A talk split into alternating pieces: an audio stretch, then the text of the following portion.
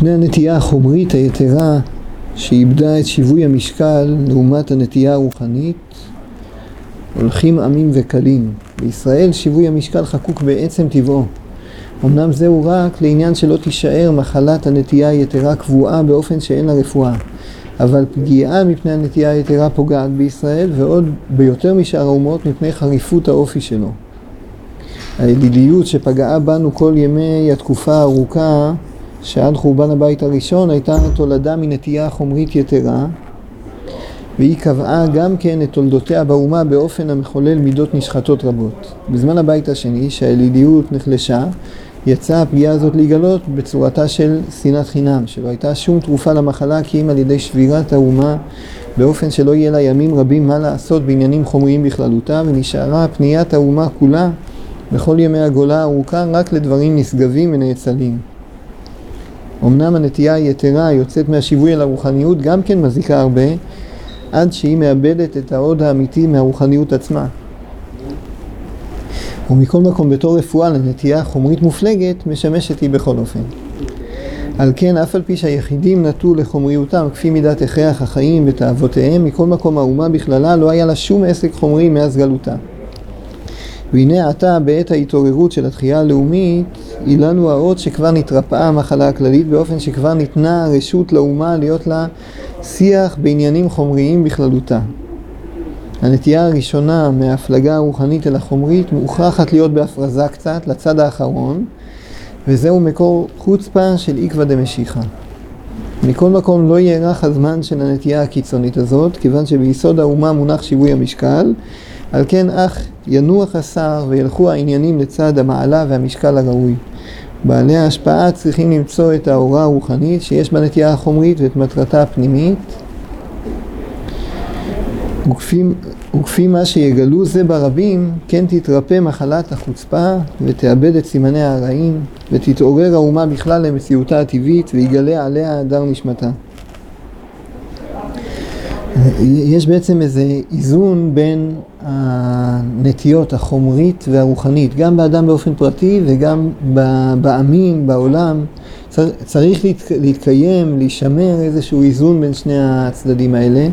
יותר מדי חומריות, זה בסופו של דבר מבחינה לאומית, זה גורם לאובדן. אם אין איזשהו תוכן אה, תרבותי, תוכן רוחני לעם, אין מה שישמור עליו בתור אה, משהו מגובש בעולם. עכשיו, בעם ישראל יש בנושא הזה שינוי כפול. שינוי אחד הוא שאנחנו אה, יותר אה, בנויים לאיזון הזה בין, ה, בין הגשמי לרוחני, בין החומרי וה, והרוחני. זה שינוי אחד שיש לנו. נקרא לזה, נגיד ברמה של ציבור, אז זה קודם כל הכלכלה והביטחון. אני חושב שאלה שני ה... שני המישורים, אתה יכול לכלול את הביטחון כלפי חוץ, כלפי פנים, העם מחפש איזה קיום אה, יציב, חזק, בעולם, בעולם כפשוטו. אז יהיה מסביב לכלכלה וביטחון, אתה יכול להכניס בהם עוד אה, ענפים, אם תיקח אה, משרדי ממשלה בסוף זה יוצא יותר, כי גם בריאות זה סוג של ביטחון. בנקודה מסוימת גם איכות הסביבה היא סוג של ביטחון. החברה היא סוג של ביטחון, זאת אומרת, המערכת הזאת שנותנת קיימות עולמית. של? עוד, עוד לפני מי, מי ייתן לי את זה? לפני השאלה מי עושה לי את זה. אני רוצה את זה, אני צריך, צורך את זה, את, ה, את הקיימות הזאת. אז אתה, העם צריך את המרחב החומרי שלו. זה, זה עצמו, זה עצמו הוא, הוא לא רע, רק הוא מביא נטייה, השאלה, פה מגיע כמו שאתה אומר, השאלה גם מי הביא לי את זה, או גם מה חשוב. נלך על השאלה הזאת, מה חשוב, ברגע שהחומר נהיה החשוב, הבראש, העיקר וכל השאר אה, טפל, אז פה אנחנו כן כבר באיזה נקודה מסוימת שאיבדנו, יוצאים מהשיווי משקל. זאת אומרת, זה יהיה השאלה האם המס של החיים מחליף את הלמה. השאלה איך לקיים את החיים, ככל שזה נוגע כבר בנקודה של אה, אם זה כל מכלול החיים, זה עצמות החיים, מהות החיים, אז אנחנו כבר בהפרה כזאת של, ה, של האיזון. אז אם אני חוזר אחורה למשפט הראשון, זה אומר כל עם בעולם, מה שמגבש אותו בסופו של דבר, מה שמחזיק אותו כעם, מחזיק אותו כעם להבדיל אותו מעמים אחרים, ובעיקר בהקשרים שהעמים האחרים יש להם איזה דורסנות מסוימת. זאת אומרת, הוא לא ישרוד בין העמים אם אין לו משהו שמגבש אותו כעם, והמגבש כעם הוא תמיד יהיה דווקא רוחני ולא חומרי. בקטע החומרי אין, אין אה, הצדקה ואין אה, משהו ממשי כל כך בזה שהקבוצה הזאת, יש לה חברת אחריות כזאת והם דואגים אחד לשני, זה לא, זה לא מגבש אותם כקבוצה, זה לא מגדיר אותם. מה שמגדיר אותם זה דווקא התכנים שהם תכנים של רוח, שהם נותנים להם איזה זהות שהם שונים מה, מהקבוצה השנייה. אני מדבר לאו דווקא בישראל. זאת אומרת, אם יש שפה, תרבות, אה, איזה תוכן מסוים שמבדל אותו מהקבוצה השנייה, אז זה יחזיק אותו ל, להשתמר כעם. אם, ככל שהוא מאבד את זה ומוחק את זה, נמחק את הזהות שלו. ואז אין סיבה שהוא יישאר קיים. אז העמים שקלים בעולם הם קלים כשהחומר גובר לעומת הנטייה הרוחנית, אז העם קלה. זה, זה הרישא פה, זה המשפט הראשון, זה חוק שהוא נכון בכל העמים. בישראל יש כאן שני שינויים. שינוי אחד זה הרישא, דווקא השיווי משקל חקוק בעצם טבעו, זאת אומרת אנחנו יותר בנויים לאיזון בין הרוחני לגשמי, אבל השינוי השני שהוא יותר כאוב זה החריפות האופי. ישראל, הגמרא בביצה אמרה שהם עזים שבאומות, יש תכונה כזאת לישראל של חוסר מנוחה, של לקחת דברים עד הסוף הרבה פעמים. שני הדברים האלה הם גורמים ל, ליהודי שכשהוא הולך על משהו, הוא הולך עליו אה, לגמרי. וזה גרם ב, ב, בבית ראשון, שהלכו אחרי האליליות, אז הלכו כבר אחריה לגמרי.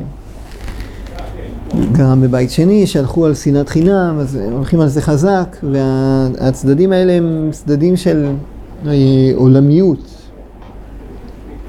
לוקחים את האדם יותר לכיוון העולם, אולי אני אתחיל עם, ה, עם הליליות, במובן, למה האליליות היא קשורה לחומריות? נדמה לי שבמובן הזה של להגשים, להגדיר, תתחיל בזה. אתה כבר יודע איך נראה האלוהים שלך. זאת אומרת, העבודה זרה, העבודה זרה יש להם ציור, גם ציור גשמי כפשוטו, יש לו איזה פסל, תמונה, משהו אה, מוחשי יותר, וגם המובן הרעיוני, הוא, יש לו אה, דעות, יש לו הבנה באלוקים שלו, באליל שלו. הוא אה, יודע, הוא יודע עליו, הוא אוחז אותו. זה שונה לגמרי מהנוסח שיש בפתח אליהו, לית מחשבה תפיסה בך כלל. אומר, האלוקים שלנו, אנחנו לא, לא נתפוס אותו ולא מסוגלים לתפוס אותו. מי אנחנו שנתפוס אותו? אז אה, האליליות יש בה איזו הגשמה, גם הגשמה גשמית וגם הגשמה רעיונית, כולל של, ה, של האליל שלו, של ה, האלוהות שלו היא מוגשמת, זה האליליות. אה, יש בה חיצוני, החצנה של דברים, אה, מימוש, אה, הגשמה, לא תעשו איתי כל פסל וכל תמונה. מה שאנחנו קוראים באמונה שלנו זה שלילת ההגשמה מהשם, אין לו דמות הגוף ואינו גוף כמו ביגדל אלוקים חי. זה לא רק גוף במובן הפיזי אין לו, אלא גם גוף במובן הרעיוני, אנחנו לא, לא יכולים לצייר דמות להשם. זה ההבדל בין האליליות לבין האמונה ב- ב- באלוקים אחד של ישראל, שאין לו גוף ולא דמות הגוף, אין, אין לו גשם. השנאת חינם...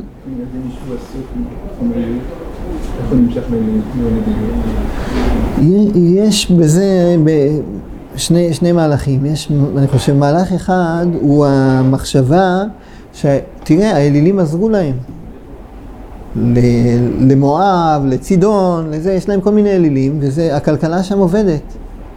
אני חושב שזה עבר בראש, אה, אפשר לראות בנוסח בנביאים, זה עבר בראש של היהודים. אם כמו שזה עזר למואבים, המלקום עזר לצידונים, וההוא עזר לזה, אז בואו ננסה, אולי זה יעבוד גם אצלנו. אנחנו גם נרוויח מזה קצת אה, משהו בכלכלה, בביטחון. אם הם ניצחו אותנו, אם הארמים ניצחו אותנו, אז כנראה האליל שלהם הוא שווה משהו.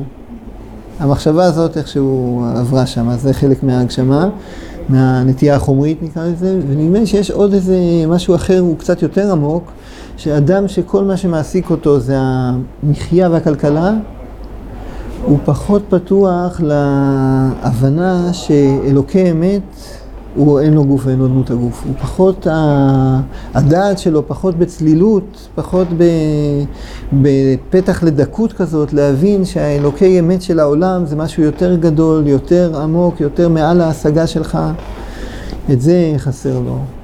נדמה לי שפה יש את הצד השני, זאת אומרת הנטייה החומרית היא, היא קשורה לאליליות בשני דברים. אחד זה נראה כזה כמו עסק. אם העסק עבד אצלם, אולי יעבוד גם אצלנו. והשני, אני חושב שיותר עמוק, צריך אה, כלי רוחני זך יותר ורחב יותר ופנוי יותר ועמוק יותר כדי להתקשר עם אלוקים מעל, מעל, גבוה מעל גבוה. אם יש מישהו עובד, כאילו הוא... מי שעושה את העבודה, הוא כבר...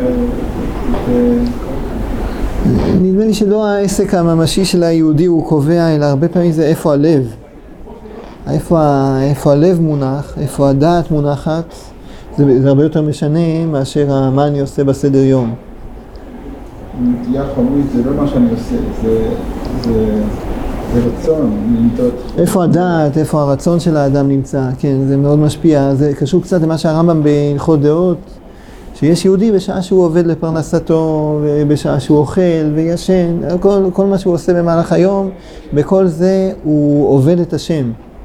הוא מייצר דבקות, הוא מגדיל את ההתבוננות ואת הקשר שלו עם השם בכל מה שהוא עושה במהלך היום. השאלה איפה הדעת שלו. יש איזו הלכה במקדש, שיש כאלה שנתנו ממנה רמז לנושא הזה, מה שהעלית, זה החדרים בבית המקדש איזה דרגה הם קשורים, הם מקדושת הר הבית או קדושת העזרה, אז יש חדרים שיש אה, להם שטח, מה שקובע איפה הפתח שלהם נמצא. זאת אומרת, אם הפתח שלך הוא לקודש, לא משנה שהחדר שלך הוא בחול, אבל החדר שלך הוא קודש. אם הפתח שלך הוא בחול, אפילו אם החדר, השטח שלו בתוך הקודש, הוא, הוא חול. לשכת הגזית היה לה שני פתחים, אז הייתה צריכה סימון פנימי. איפה עובר הגבול בין הקודש לבין החול, היא צריכה איזשהו סימון. אבל איפה הפתח, איפה, איפה הדעת, איפה המחשבה שלך, אז זה קובע את, ה, את הגדר. מה, מה, מה חשבת הרבה יותר משמעותי ממה עשית? זה קצת מקדים את מה, ש, מה שהוא מדבר פה על הדורות שלנו. כי בסופו של דבר צריך לזכור שהתיקון הוא בשיווי משקל. התיקון הוא לא בנטייה לצד הזה או לצד הזה, הנטייה החומרית, איתה היינו, היא מזיקה, היא מאבדת את, ה, את המעבר והיא גורמת לעמים להימחק. ובעם ישראל, בגלל הקיצוניות שלהם, אז היא גרמה שהיה צריך גלות ראשונה בשביל להתבודד, לתקן את הפגם של עבודה זרה, והיה צריך גלות שנייה כדי לתקן את השנאת חינם, אבל היא ממש הייתה שבר לאומה, כמעט אין אומה. כמעט אין אומה בעולם. אה, יש, היהודים יש להם זהות ששומרת אותם כזכר לעם. וזה מציל אותם, זה מאפשר להם לחזור אחר כך להיות, אה, להיות עם חזרה. זה שיש את חוקי המצוות והתורה והאמונה המאוחדת, שהיא גם בתוכה כללה גם שפה בבית כנסת, גם זה נתן משהו שיש זכר למושג הזה שעם ישראל הוא עם. אבל לקרוא לזה עם במהלך הגלות, שזה מפוזר על כל ארצות תבל, כמו שאומרים על השלוחי חב"ד, כזה, כל ארץ וארץ בעולם, יש שם כמה, כך וכך יהודים, הם יודעים את השפה של העם שם, הם מעורים שם בחברה, בכלכלה, בזה, בכל עם, בכל אה, מקום יש יהודים. אבל זה עם, היהודים הם עם.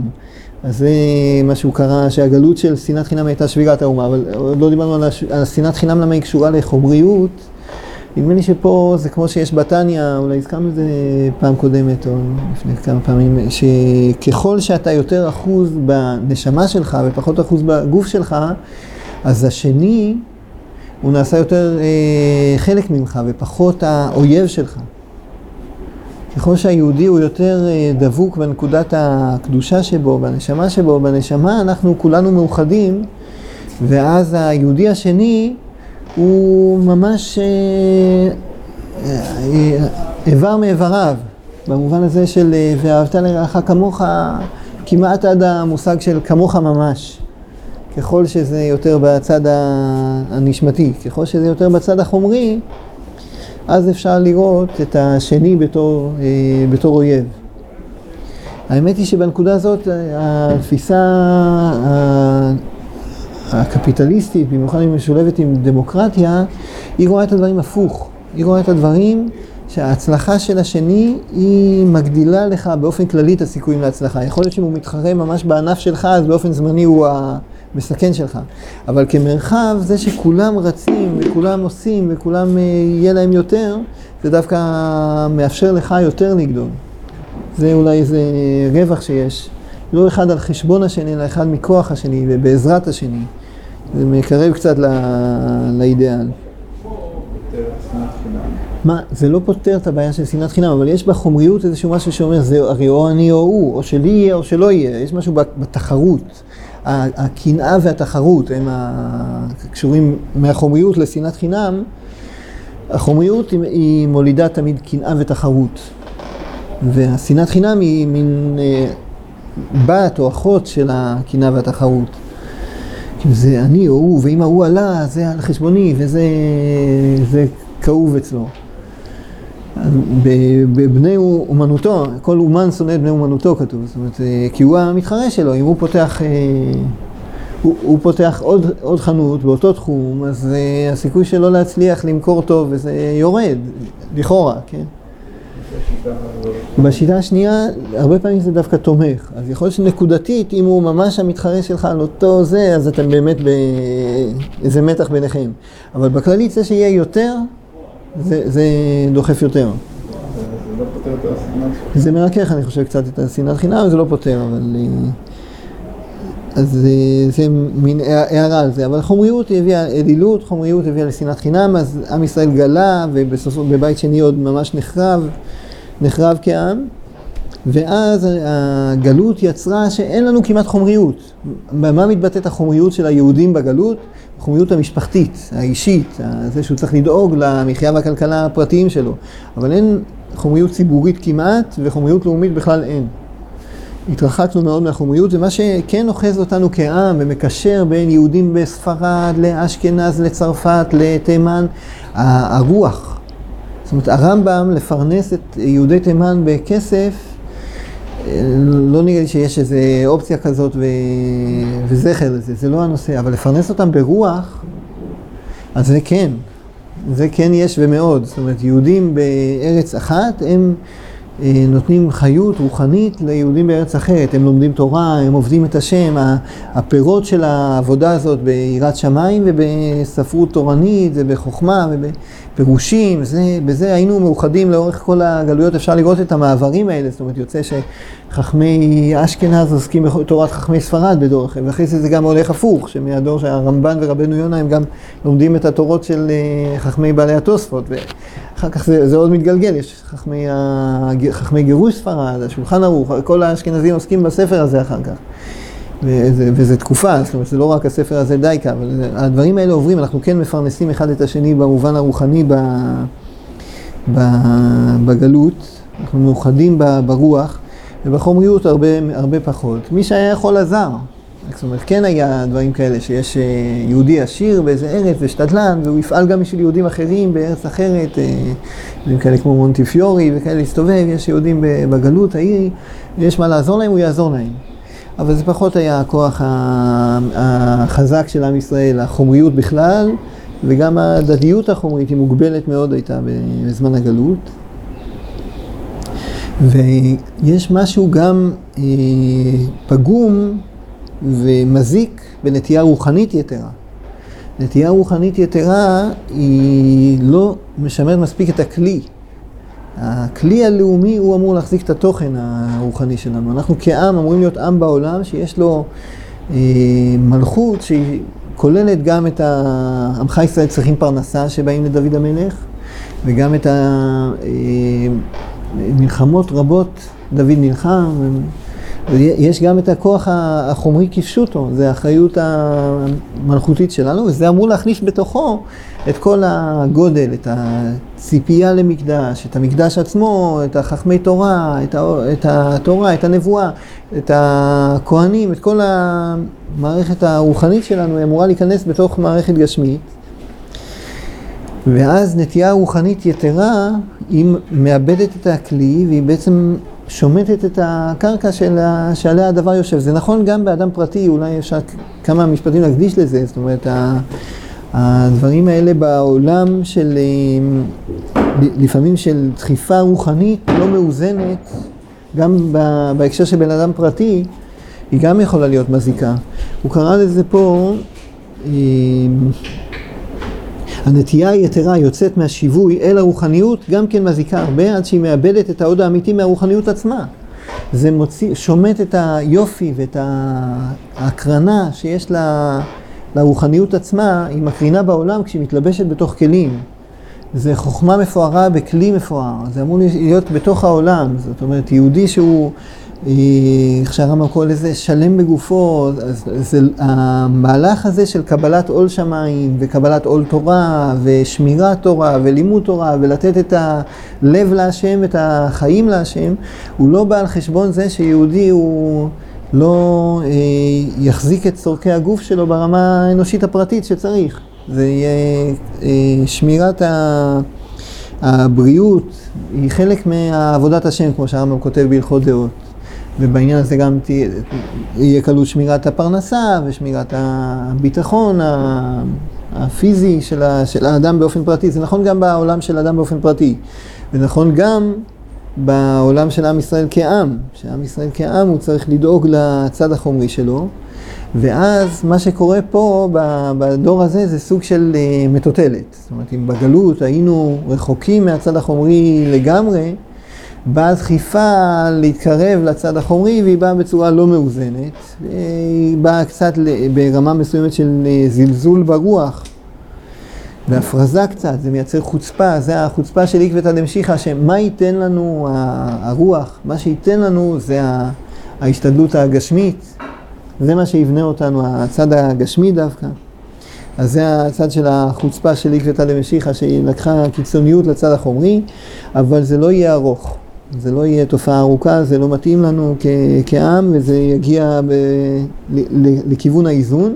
ופה בסוף, ככל שחכמי ישראל, זה ממש השורות האחרונות, כפי מה שיגלו זה ברבים, כן תתרפא מחלת החוצפה ותאבד את סימני הרעים. ככל שחכמי התורה יהיו קשורים לעניין הזה שהחומריות היא חלק מסדרי האלוקות. החומריות הפרטית של האדם זה חלק מה... דברים שהשם שלח אותו לעשות בעולם, לדאוג לחומריות של עצמו, וגם החומריות של עם ישראל היא קודש אצל, אה, היא קודש אצל השם. החומריות, החומריות של עם ישראל יש בה משהו גם במובן מסוים יותר פשוט, כי היא כולה רוחניות. יש אמרה כזאת של רבי ישראל סלנטר, שהגשמיות של השני אצלך היא רוחניות. כלומר, אם אתה, כשאתה דואג לגשמיות שלך, אתה דואג גם לאיזשהו תיקון הכלי, אה, אולי אה, היה ראוי להעריך בזה, אבל לא עכשיו, זה היה, כמו שהלל אמר, אני הולך לגמול חסד עם איזה אחד מהנבראים של השם, לפני שהוא הלך לבית המרחץ, אחד מהנבראים של השם זה הוא. אז הוא הולך לגמול חסד עם אחד הנבראים של השם. אבל החומריות של השני היא עוד יותר פשוטה, היא כולה רוחניות. ו, וכאן בעניין הזה של עם ישראל, הדאגה לחומריות של עם ישראל היא כולה, היא כולה קודש, כולה סוג של נשמה, וצריך שחכמי תורה יעוררו על הבחינה הזאת, שהעניין הגשמי של עם ישראל הוא חלק מהאלוקות, גילויי האלוקות בעולם, ואז לא נצטרך את הדחיפה הכל כך חזקה לכיוון החומרי, כי יבוא האיזון התורני, ההכרה התורנית בזה, האמונה בזה, ההבנה שהחומרי הוא צורך גבוה, החומרי של ישראל זה צורך גבוה. אז ההערה הזאת, בסופו של דבר צריכים איזשהו שיווי משקל, שיבוא הכלי והאור שבתוכו, הכלי הגשמי של עם ישראל, שהוא מחזיק בתוכו את האורות של עם ישראל. בעזרת השם, במהרה בימינו. יישר כוח.